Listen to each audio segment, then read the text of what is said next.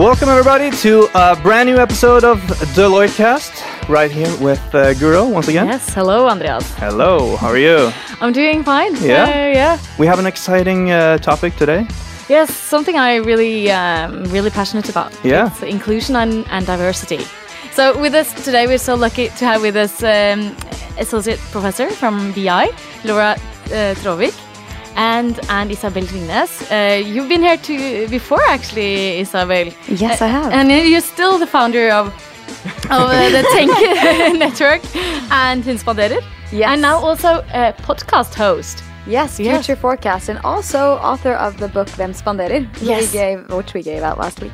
Oh, really? Nice. Congrats. Congratulations. You're, you're on all different types of media these days. Yeah. Uh, yeah, there's uh, there's been a lot of attention on uh, women and unconscious bias and all these things that we work with. So uh, naturally, it's uh, it's gotten some attention, which is good. Cool. And we're, we're definitely going to jump into those uh, those things as well. Bias, stereotypes, all that good stuff. All that good stuff. But first, maybe you want to tell us a bit more about yourself and what you do. Laura? Because you have some. Okay. Well, I, I think it's always a difficult question because this is at the heart of diversity. I mean, how do I begin to explain or describe who I am? Do I tell you my age? Do I tell you my sexual orientation, my religion, uh, my professional background? What part of the professional background? So, who do you want me to be? I like your meta introduction. You too. Okay, I'm. Laura Traavik. I often say I'm Canadian, and I think this is quite interesting that this is still so important for me after all these years here. But, but part of the reason is that I felt that I became Canadian when I came to Norway. And so here we have this uh, situation when we think about diversity. I do have to get right into it. Yeah, yeah, that it, often it's a context that will help make certain attributes or dimensions salient. And so we often don't know differences or the types of diversity until we experience uh, different situations. Uh, but in terms of credentials, I've been teaching a course, uh, Andreas, you had it, in the Master of Science in uh, Managing Workplace Diversity. And that's gone on now for over 17 years. And I really see a difference in what we focus on from culture to gender to now sexual orientation to also when we talk about gender, looking at the non binary and the fluidity of gender as well. So, yeah, so we see a lot of evolution there. Cool. Yeah. And I've done some research on it too. Okay. Mm. Hope to hear more, more about that in a moment. Yeah. Well, um, so you mentioned very well in the introduction of the podcast. I have a podcast myself, Future Forecast, uh, where we discuss leadership and technology and sustainability. And obviously, I always try to include a point on diversity because it is very essential in especially driving innovation. Um, I also uh, run uh, together with Maria Sunda the uh, company called She's Got This or Hun Spanderer, where we uh, work with organizations to help them become more gender balanced through a data driven approach. Um, but uh, yeah, I guess it was very funny that you said that you were Canadian because I also feel American when I'm in Norway. But, I, but in but in America, I feel really Norwegian. So my f- mm. American friends will say, "Oh my God, you are so Norwegian." But then when I Do they say it like they that? say it exactly like that. My friends are from New York, and then and then like I, I'll come to mm. Norway, and they'll be like, "You, you know what? You are not very typical Norwegian, are you?" So it's mm-hmm. like it's interesting how you see when you become mm. kind of the, the the only, then you can tell that you have some traits that maybe aren't as uh, as well widespread. Because your mother is from the US. Yeah. Yes, she Yeah. is. But but I think this is also interesting because we think of diversity also like it's static. It's not. It's dynamic. It's dynamic in the context, but it's also individually which identity comes forth. And sometimes I, I hate to admit, even in Canada, sometimes they think I'm a little Norwegian now. the small talk doesn't go as easily as it once did, and and so I, I think this is also who do we become in relation to others and how that changes. And then you also represent uh, the future or today the present. This idea, who are we? I mean, there's so many people with multicultural backgrounds, with parents from different countries, different experience. So how do they identify? Mm. And that changes. You're American in Norway and Norwegian in America. Yeah. I can relate to that because I, I've studied uh, different things uh, throughout the years. I sta- started with music. Yeah. Oh, And then wonderful. and going on with uh, uh, economics, then organization, or organizational psychology, and then working here at Deloitte. and you can imagine like the identity crisis that uh, that uh, happened throughout those years, but also like introducing yourself. Yes. So I'm a musician. Mm. compared to like the second the year after oh i'm i'm studying economics. Mm. Mm. The, the expectations of what who i am are totally different just because depending on what i'm studying or what i'm focusing on. Yeah, these labels are important. And this is also curious. Who who controls them? yeah. Do you get to control them and say I'm a musician, or does somebody else control and say you're American? Yeah. And people mm. love placing other people in boxes. I mean, it feels mm. comfortable mm. when you know someone, or if you know like one part of who they are, you automatically attribute all these other things to them. So, musician. A lot of people think about the stereotype musician, okay, kind of free soul, you know, kind of lives, you know, in the evenings and has a really like tough job on the stage and is probably like super outgoing and blah blah blah. but then if you say, "Oh, I'm studying economics and I want to work at Deloitte," I mean, people have Yeah. completely different view of you, and they're going to kind of treat you based on what they think. Absolutely, yeah. Yeah. And uh, we're we're going to jump into kind of uh, our main focus of the po- this podcast is organizations and how Okay. how to make it better and stuff. But I think in order to talk about that, we have to understand why uh, stereotypes and and diversity and why diversity might be hard and especially may, maybe inclusiveness. So so why do these stereotypes occur at all? Well, uh, there's a lot of research, and this is, I was talking to a colleague today. We have a lot of research finding out like why they come about, and it's multiple and it's complex. Stereotypes are just a part of who we are as individuals or as humans, the way we categorize the world, the way we have to make sense of the world. Uh, so it's, in, in a way, a natural unfolding. At the same time, we're also inundated with stereotypes the whole time in the media and films uh, that are also make them stronger. We also have gender roles often, or sometimes also tied to cultures or ethnicity. And those roles and the behaviors within those uh, roles also make stereotypes stronger. So stereotypes exist. And this is where I think, in terms of will they go away? No. Mm. But can mm. we influence them? Can we react? Yes. And we, I think that we focus a lot on where they come from. I think it's about how do we make sure that they don't harm us in any way in our careers or in our mm. everyday life. So I'm really very much focused on what we do. They're there, but how do we react to them? How do we limit their impact? And what can we do in organizations to minimize their impact? Yeah, so what we do, uh, or how we work in Hun Spanderer, at least for the past four years, it's been raising awareness that they actually exist. Uh, a lot of people don't like to think that they are biased, but we are, and there are so many studies proving that. But in terms of stereotypes and gender stereotypes, it's uh, we we tend to give certain um, assignments to women or to men based on kind of what we think a woman would be good at, uh, what we think a man would be good at, and then naturally they develop certain strengths based on what the assignments they get are. So we kind of tend to use these stereotypes, these gender roles, to push women and men in two different directions, hmm. and that's kind of what we see is hmm. a large part of the reason to the imbalance that we see on top today. It, Yeah. it seems hmm. like it, too much of a simplification of who we are, trying to put somebody into two boxes that happen to be gender. Exactly. Yeah, and, and Yeah. there's a lot more than two boxes. I think there's nine Exactly. or 13 genders. I mean, if we're looking at the that's a actual reality of the population, it's so much more complex. Yeah. And I think this is part of the problem. It's so complex, people have to simplify. And you also ask, why do we have to simplify on one dimension? And uh, there's a wonderful uh, TED talk. It's about nine years old uh, with uh, uh, the Nigerian author Adichie. Adichie, I think I'm pronouncing her name correctly. Um, and she's got a wonderful uh, TED talk on uh, being a single story. And we shouldn't make people into these single stories, which is defined along one dimension. So we have to challenge ourselves to think in a more complex way. Because if we think just gender, it's more likely we're going to think stereotypes. If we see the whole person, oh, Canadian and gender and background, we'll start giving people also in the workplace, I think, more opportunities because we're not just seeing them along that one line.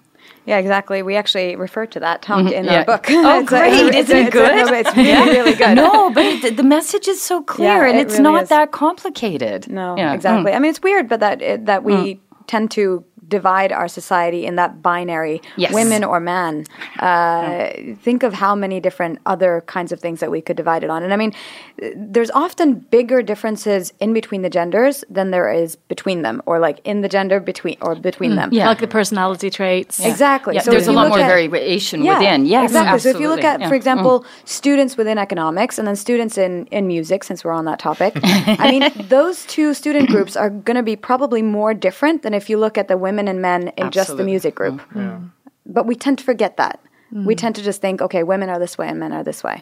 And and I think though we can't pretend like even though it's unconscious bias and so or these other forces happening, we have to see there's also systems in place that keep these differences alive and well, and that there's also a hierarchy and there is social uh, dominance in here as well.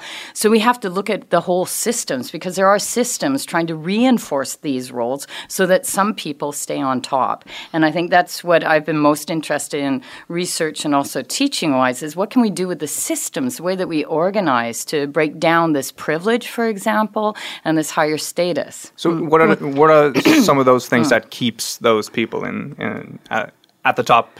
Yeah. you Well, know, once you're at the there, top, you know? Yeah, I can think of a lot of ways. or You how have is the system privilege. working? Well, it against reinforces itself. Like how? Well, uh, it reinforces itself maybe through hiring. So if you're uh, from one particular group, you might hire people that are similar to yourself. This is Because one that, of the that feels safe, right? Yeah, and then and yeah, and it's also it's not always that we're trying to be necessarily push others down. It's just we kind of prefer our own group. It's called in-group favoritism, and it's often not people aren't that aware of it. So that's one way that it uh, perpetuates. There's also about d- different areas where status, like gender, is related to status. So there's research looking at excuse me, um, research looking at groups. When more women enter a group, what happens to the men in the group? Well, they want to leave. You know, they- well, I, I'm, I'm, Exaggerating I'm, I'm, bit, I'm being uh, quite uh, uh, uh, general here about this uh, research, but the research shows that men will often be more dissatisfied in that group as more women uh, come in because the status of the group uh, reduces. This is an article by Chapman.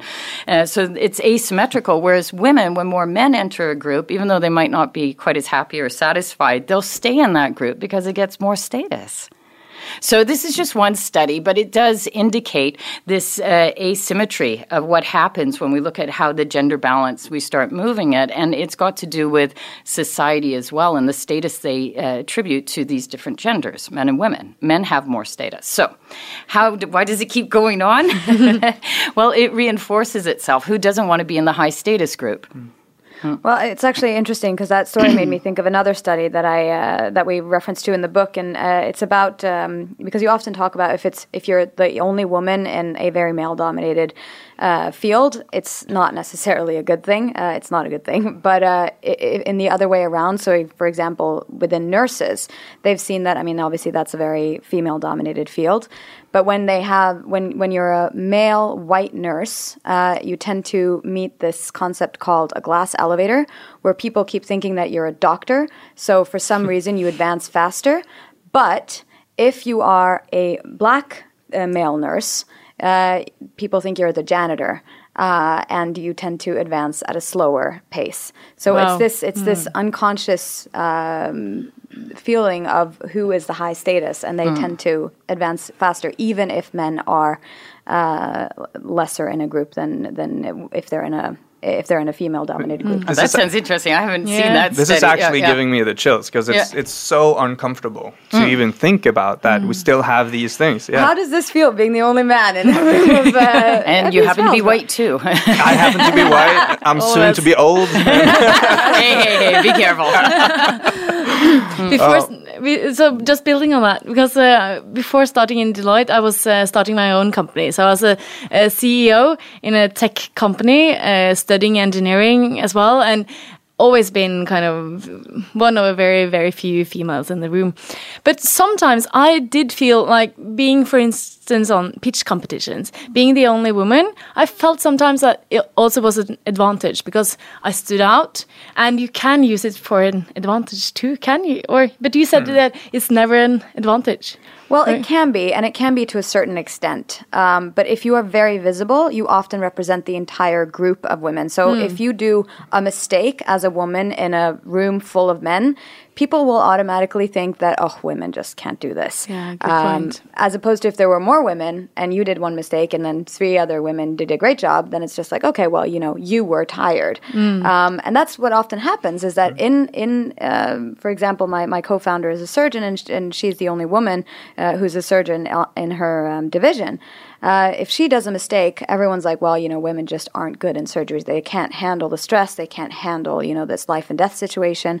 But if one of her male colleagues do the exact same thing, they're like, "Oh, well, he was just tired," you know. Yeah. I. I, I start getting so angry when you're talking like that. you're, saying, you're saying, like, how do these mechanisms of privilege uh, come about? Well, look at the comments and people say that. But it's not just men; it's women too. We can fall into thinking having these same stereotypes. And what we know is stereotypes are not innocuous because they actually affect people's behavior, and it happens through something called stereotype threat. And when people feel this stereotype, they're more likely to make that mistake or have mm-hmm. behaviors that go in line with mm. that stereotype. So it, th- there's many studies that show that this can happen. So you have So to it's be like don't screw up, don't screw up, and Yeah. then you actually screw up because well, you're so yeah, afraid but of if you've got yeah. these stereotypes like women can't drive or women can't do math or engineering or I think mm. about parallel parking and if you feel like you know you're about to do your parallel parking and you're really good and you know you're really lykkeparkering, good right? and then there and then there's a truck behind you with a big guy you know a guy and you think oh no oh no I don't want to be one of those women. I don't want to be one of those women. Right. you know so mm-hmm. this is uh, what can happen.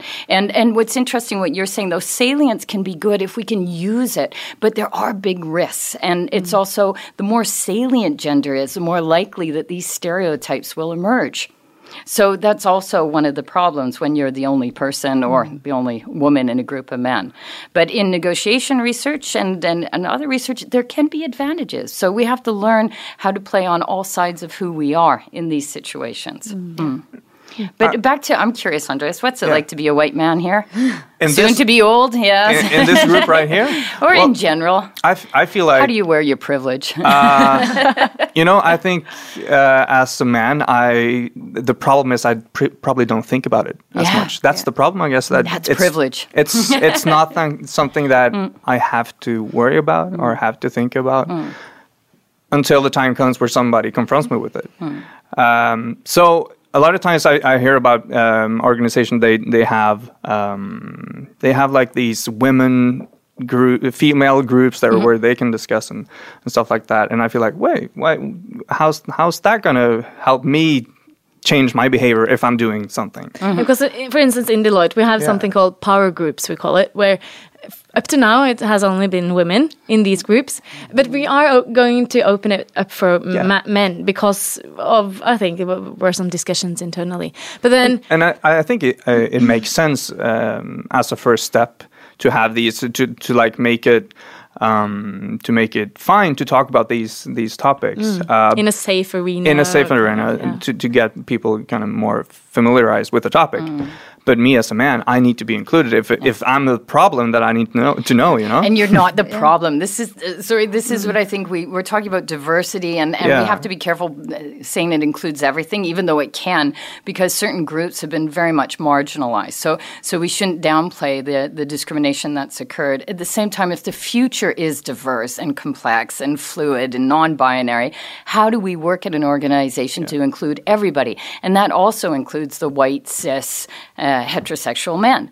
So, so how do we go about doing that? And I think that is a challenge, and uh, uh, but it's something we have to do. Because you're saying those uh, gender stereotypes, they they're reinforced by both females and and men. In, like- in society, they and in- can be. They can also be uh, disconfirmed by men or women or society, and we see this in wonderful ways with film and art uh, when we question some of these uh, uh, stereotypes. So, uh, but but uh, we we do this, and this is the unconscious part too. It's just part of our expectations about what we're supposed to do in terms of being men and women. but is awareness like the only solution? To, no, to solve awareness this, isn't the No. solution. it, it, it's not. It's not. Unfortunately, uh, th- there. th- I think about ninety percent of Fortune 500 companies do these diversity trainings and unconscious bias trainings and stuff like that, and they tend to have an effect for a day. Um, but I mean, Really? and so- sometimes backlash too, and Yeah, negative exactly. effects. Yeah. Mm. So it's it's not enough. Uh, you they they they're I mean studies say mixed things. So we believe that we one have to raise awareness so that we're talking about it, but it's not enough to just raise awareness. It has to be changed structurally. It has to be changed systematically Yes. within the company. Uh, and we have ten we we tend to have like three kind of uh, golden rules for what companies should do in order to address this head on. The first is that, I mean, top management, senior management has to really own it. They have to focus on it. It has to be number one priority in the company. And I don't mean just the wonderful party speeches where they're like, diversity is so important to us, and there is no action to actually build what they're saying. Um, the other thing is that it has to be a holistic approach. You can't just do one thing and then, like, if you do a power group at Deloitte and you're like, we're super into diversity, that's not enough. It has to be like more things. And, and also make sure that the initiatives that you implement aren't like specifically towards women that there's something that builds yes. the culture as a whole so it's not mm. like okay so um, uh, females who are who are moms are going to get you know flexible work hours no this should be for all parents all yes. employees to get flexible work hours because you're you don't want to kind of stigmatize women to be like okay it's your role to be at home and to have flexible work mm. hours so that's kind of mm. your role and we're going to make it easier for you that may also create a backlash towards males who think, well, this is discriminating against me. And they might become more negative to implementing certain diversity initiatives. And then the third thing is that you have to measure it because it's mm. so easy to be like, yes, we're so into mm. diversity, mm. but then you actually look at the numbers, the granular numbers, because usually it's pretty gender balanced and in the in the bottom of the of the company, but then all the way up, it's less and less and less and less women. So mm. if you don't count it, it doesn't count, and what gets measured gets managed. Hmm. Mm. Oh, I couldn't support you more. I like so. Much. I think this is where practice is also outstripping research to a certain extent. Although I can uh, demonstrate there's a lot of research about this top leadership. I mean, it, exactly what you say. If the top leaders don't want it, nothing's going to happen. Yeah. And just think, basically, they have control over resources. So if they don't prioritize mm. it, there'll be no resources. And this holistic idea, it's not just patchwork. This is an ongoing and, and an ongoing uh, endeavor from the organization. And it has to go across all all different levels and across all HR practices, not just one here and there. And it's really about building a culture.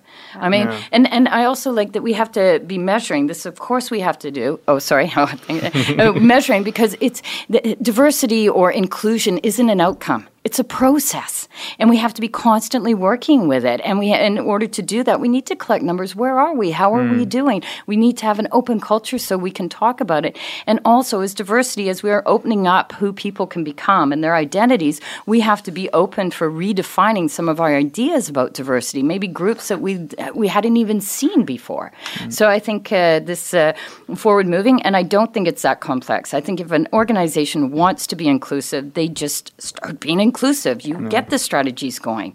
It's not rocket science. It's not complicated. It's about how do we make sure everybody's part of the decision process or included in informal and formal uh, situations. Yeah. So for the CEOs that we've interviewed, they all have kind of one thing in common. Uh, at least for the ones who've been successful in DNB is a great example of this. And they say that like at, at one point in time, they just made an executive decision that yeah. this is going to happen. Yes. This is going to happen. And it's, it's, so, it's, like sounds mm. so stupid simple, but it is. What did they say yes. was going to happen? Like We are going to be 50-50 or okay. at least 40-60. Mm. And, and, and yeah. they, they, they made it happen. I mean, mm. today they are. Yeah. So it's like, you know. But Same with Obos. Uh, he mm. spoke at the SHE conference, uh, the CEO there, and he just looked around at the, the, uh, the boardroom and said, no, no, no, no, top leadership team, we need more women. And he just made it happen. And now it's 50-50, a place where where there weren't very many women. So it's this idea if you have this ambition, if you have this strategy as a top leader, you can do it and you have the power. And I think you have the moral obligation yeah. too. But is it. Is it mm.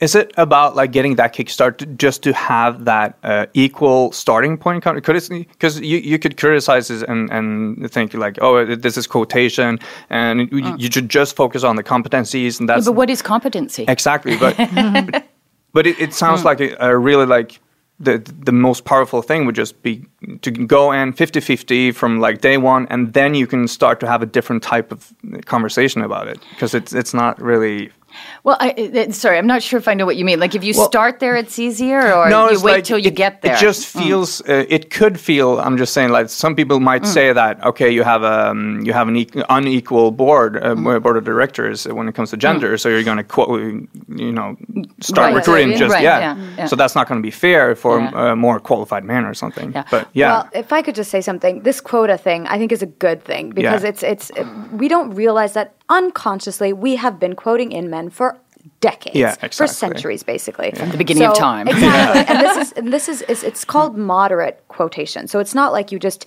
it's it's not like you're taking a worse candidate over a male but you are taking if the two candidates are equally qualified and the one is a woman and you have only men there or it's an in- incredible imbalance you The choose choice the woman should be over simple, man Yeah. yeah. and if you look at all the studies i mean we have I mean, we, we, we choose men if both candidates are equally uh, qualified. So so it's just a way to balance it out until we get balanced. Yeah. But uh, but I, I do want to say way there better are way some- to say what I was trying to say. Yeah. Yeah, but, but there are risks here too, and the risks happen to the women often in these situations. People aren't aware of how these quotas are used, so they think it's like, oh, you're not qualified, and then some of these women feel that pressure, like, why was I hired or why was I chosen? Am I competent enough? So it can hurt also that woman in in that career choice or at the board. So you have to be cautious, and this again, why you need top leadership to talk about it in terms of a strategic issue. This isn't uh, about uh, CSR or doing anybody favors. This is a strategic plan. Uh, and in addition to that, we have to say that we come back to this idea what is competency? And this is also how privilege gets repeated. We just assume, for example, that it's really important for, like, if we look at negotiations, it's really important you negotiate your first salary because uh, the person who can negotiate that higher salary, they're going to be a better employee. In what industry? Like, I mean, what are we talking about? Why would that be a skill set? It might be, but why do we use that as the starting point? We look at personality measures in terms of leadership. Why is agreeableness something bad to have in, in leadership? You know, so so we have to question a lot of the norms that are in place and a lot of the ideas we have about competency. And let's not forget when we look at the future, we don't know what kind of work environment or what kind of jobs are going to be out there. We're not even sure what competencies are going to be required. So, how can we measure them? So, I think this is also uh, really important in this process to question what the competencies and what the norms are for a good worker. Yeah. So we have talked about both inclusion and uh, diversity. Can you tell us a bit about the relationship between diversity and inclusion? What is it, and what, Okay. what's the difference? Well, I, I- think it, well, when we look at the research, I mean, it started, I think, in the beginning of the 90s to look at like, ooh, diversity can be good. And it was also about selling in this concept of multiculturalism or diversity so that companies would buy into it and say, hey, we can benefit from it. So it was very much about focusing on these different categories. But as we're evolving as human beings, we're recognizing also some of the weaknesses with this approach because we start grouping people. We have the women's group, or we have the LGBTQ group, or we have these different groups in our organization, and we're actually just reifying these categories. So that's a problem. So this idea of diversity as being uh, uh, the, the heterogeneity or the measure of differences, whereas inclusion is looking at more how do we make individuals in our organization feel unique and belonging at the same time. And this is where the research is going, like saying, okay, there's so many ways we can be different or similar. We have all these different dimensions, and in any one situation, two or three or four will be salient. So, how do we make sure everybody feels included so that they can participate and contribute? And uh, that's uh, the the biggest, uh, or the difference is just more in terms of how we approach this idea of uh, differences in organizations. Yeah. Yeah, I, that was very well put. Um, I, I, I I know that you were uh, curious about this whole thing of like, what, is is gender diversity more important than the other kinds of diversity? And obviously, like, in order to have an inclusive culture, it's a, it, that's a culture that welcomes everyone, right, regardless. But then I'm starting to hear, and this is more a reflection. It's not basically uh, based on research, but I'm starting to see a lot of leaders going like, well, you know, we don't want you to talk about gender di- gender balance. We want you to talk about diversity as a whole, diversity mm. of thought, diversity of this, diversity of that. And I'm like, that's fine, but I also feel like that's kind of hiding behind the actual problem because I mean, let's look at it. I mean, women are 50% of the population. It's, we are going to think differently as well. But then, and you can't measure diversity of thought the same way you can uh, the other uh, so gender balance or ethnic minority or anything of those things. But it's like, it's a very easy component to kind of just hide behind and then say, you know, oh, we, we do very focus on diversity. We have a very diverse thought. We have a very diverse board. I'm, I'm I've been on a few boards where it's like they, they, they, go out and they say very proudly like we are so diverse and then because they have all gone to different schools, but they, I mean, they are all white men. I wear a like- different tie. Exactly. And they're like, we really are, you know, able to play on each other's competencies and complement each other. And I'm like, are you guys completely blind to the fact that you are not representing hmm. the community as a whole at all? Hmm. But It's it- like you get a the, the fact that it. diversity goes across multiple dimensions is it will forever be true. But at, it seems like at this point we we need to do something about the the gender equality is so severe and it's gotten to a point where where now we can actually do something about it and it needs to be done. You know, and maybe the next next topic of of uh, like the big next next challenge might be a, a different dimension. But Okay. I, I, I would like to disagree with you here. Really?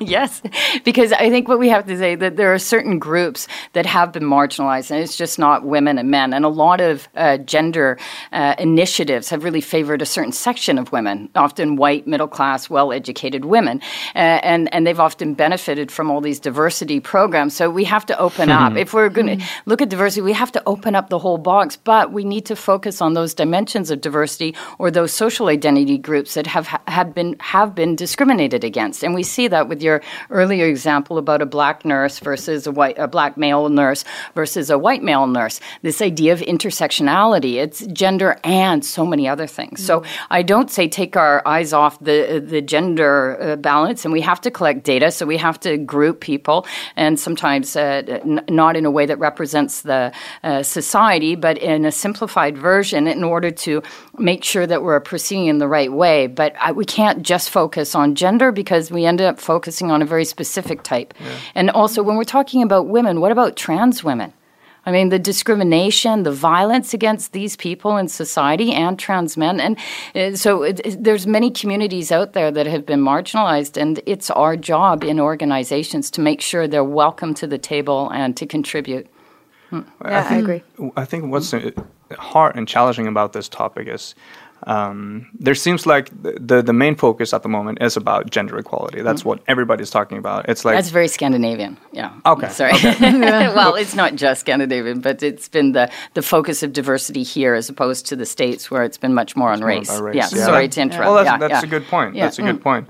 It's just um, it it feels um, it's hard to know like is the approach of, of focusing that much on gender equality is that necessarily wrong or how do you balance that in an effective way so that you're not over focusing over focusing but Mm. you're not kind of uh, undermining it. I mean that balance Mm. seems so difficult to strike. That's yeah. Yeah, I mean, I, I I'm, I'm very positive to the fact that organizations are focusing on diversity. You know, bottom line, that's that's a good thing. Mm. But then at the same time, I just don't want the whole gender conversation to become like this whole big thing where it's you know it's all these ambiguous things where it's not a, you're not able to measure it. Because the fact is that we just want organizations to look beyond what's the typical stereotype leader in their organizations today, which is mm. largely a white straight uh, educated male.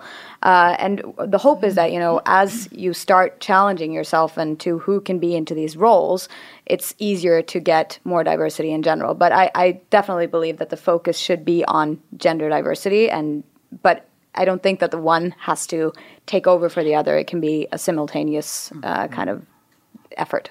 Yeah, and I think if we have multiple conversations too, so that we have we can have different groups or pushing different ideas. But the minute we start looking at women, we'll open up the box of diversity because we'll find oh, there's women with disabilities, uh, uh, gay women, or trans women, or older women, or you know. So so we start opening up the box also by looking at this huge group because of the variation within. So uh, once we start stop treating women in this stereotypical way, then we'll also open up the box of diversity because there won't be one way to be a woman.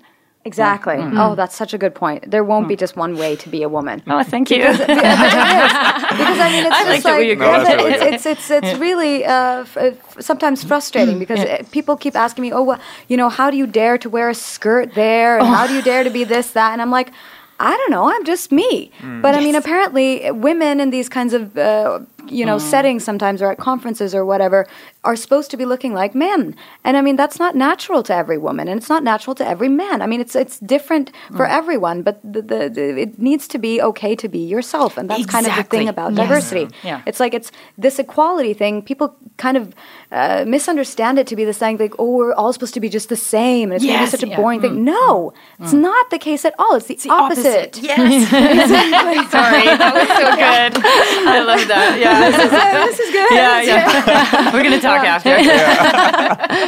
Hmm. Uh, because yeah we're not supposed to be the same and we're not supposed to be the same as men. And and we talked before the podcast andreas about that there are also differences about personality traits or typical personality hmm. traits between men and women hmm. right? That uh, and and how should we think about that then? Like for instance self-esteem or um that's maybe not the personality trait but the yeah. agreeableness or yeah there are some differences. But again what you were into before there's so much variation within these populations. Like, i like to say to the students for example like uh, men are stronger than women you know if we think about like physical strength. Physicality, yeah yeah because they're stronger more muscles. But wait a second what if we take a woman from the netherlands and a man from and i'm thinking of a country where people are shorter or smaller and then th- that doesn't make sense. Of course there's going to be more uh, uh, women are going to be stronger or bigger or taller in certain cultures or communities. So it's this idea that when we're generalizing we're losing so much information. And i have a question. When do we meet the average you know, who is the average Norwegian? Who's the average woman? Who's the average man? And so we have to keep this idea of this variety. So, yes, there are some personality differences, but if you've got big enough sample sizes, you're always going to find differences. Whether mm. they're meaningful, that's another mm. thing. Mm. So, um, can we before we we end off? I want to touch briefly on it- it's it's it's maybe it's um, self-explanatory, but why should we care about these things at all? I mean, why you touched on innovation starting out, Yeah. uh, and I know there's a link. Could you t- tell us a bit about what you know about that? I mean, Yeah, wha- I how- mean, what do we why- gain from diversity? Yeah. Okay, why? first of all, uh, I mean justice. That's that's a very Of important course, thing. yeah. Uh, but then moving beyond that, and so many studies are now proving the obvious uh, financial benefits of having a diverse workforce. Uh, there's and then again you meet some criticism because there's not a direct causation link. There's more correlation but so many studies are proving kind of the same thing. So it's it's it's kind of stupid to be still asking oh but is this really true i mean is diversity really a good thing the thing is that yes it is i mean there is a, a, the recent study from bcg finds that companies that are the most diverse they derive 38% more of their revenue from innovative products and services um, mckinsey has tons of studies showing that uh, diversity i think it's 33% more profitable uh, with companies who have uh, uh, diverse executive teams. There are so many studies proving that. Um, and at the same time, you know, if you are very diverse, you have a lot of different people, and then a lot of different people are shaping the culture, so it becomes more inclusive, hopefully. And that becomes, you know, a better workplace, and a better workplace allows people to contribute the best and fulfill their potential. Mm. Mm. And of course, they have different perspectives, and that uh, results in usually better products because you don't hmm. overlook a lot of the perspectives that are out there. So the hmm. products that get to market actually answer the people that you're creating for. So it's almost like inclusiveness. It nurtures uh, psychological safety, almost. So and that- Actually, that's a very good connection Yeah. because it is. But I'm going to disagree a little bit here. But I, I really appreciate all these business case ideas about diversity, and we do we can find correlation, and we can also find studies where they do experimental manipulations. And one that I, I like very much is all about a study that just tells one group that's diverse that this is going to lead to good outcomes. And guess what happens? They get better outcomes than the group that was told it doesn't lead to good outcomes. So it's also somewhat of a self fulfilling prophecy, and therefore I feel that it's important that we talk uh, about the business case. What concerns me about that is the day that it doesn't lead to profit, does that mean we stop doing it? And what I would say is that if we don't have diverse organizations, instead of necessarily, you know, although there can be these benefits, and we could go more into that, but but it's going to be a cost. It's going to be a cost to the organization, a cost to society society. And if you don't have a diverse organization and you have one person that's different, they're not going to feel included. They're not going to feel psychological safety often. And so they're going to have problems contributing in that organization. And if people feel marginalized, there'll be more illness, there'll be more stress, there'll be more discrimination.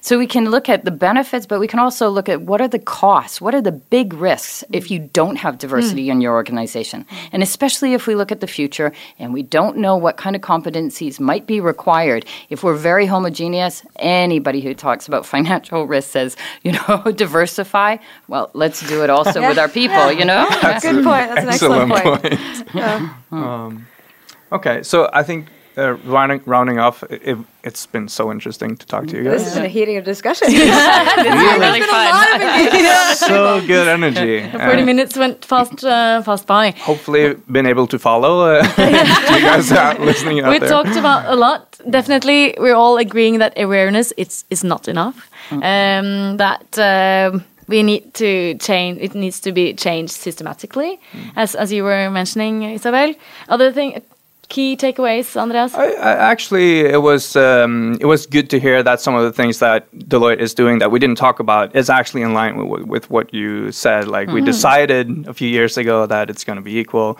and there's a bunch mm-hmm. of um, a bunch of actions that's being taken, not just the power groups. So, good to hear. Good to hear. I feel like that was important to say. Top management is definitely talking about it. Yeah, oh, yeah. Uh, not yeah. only in the and, big party talks. Yeah, I'm very involved also as well. So that's day to day life. Yeah.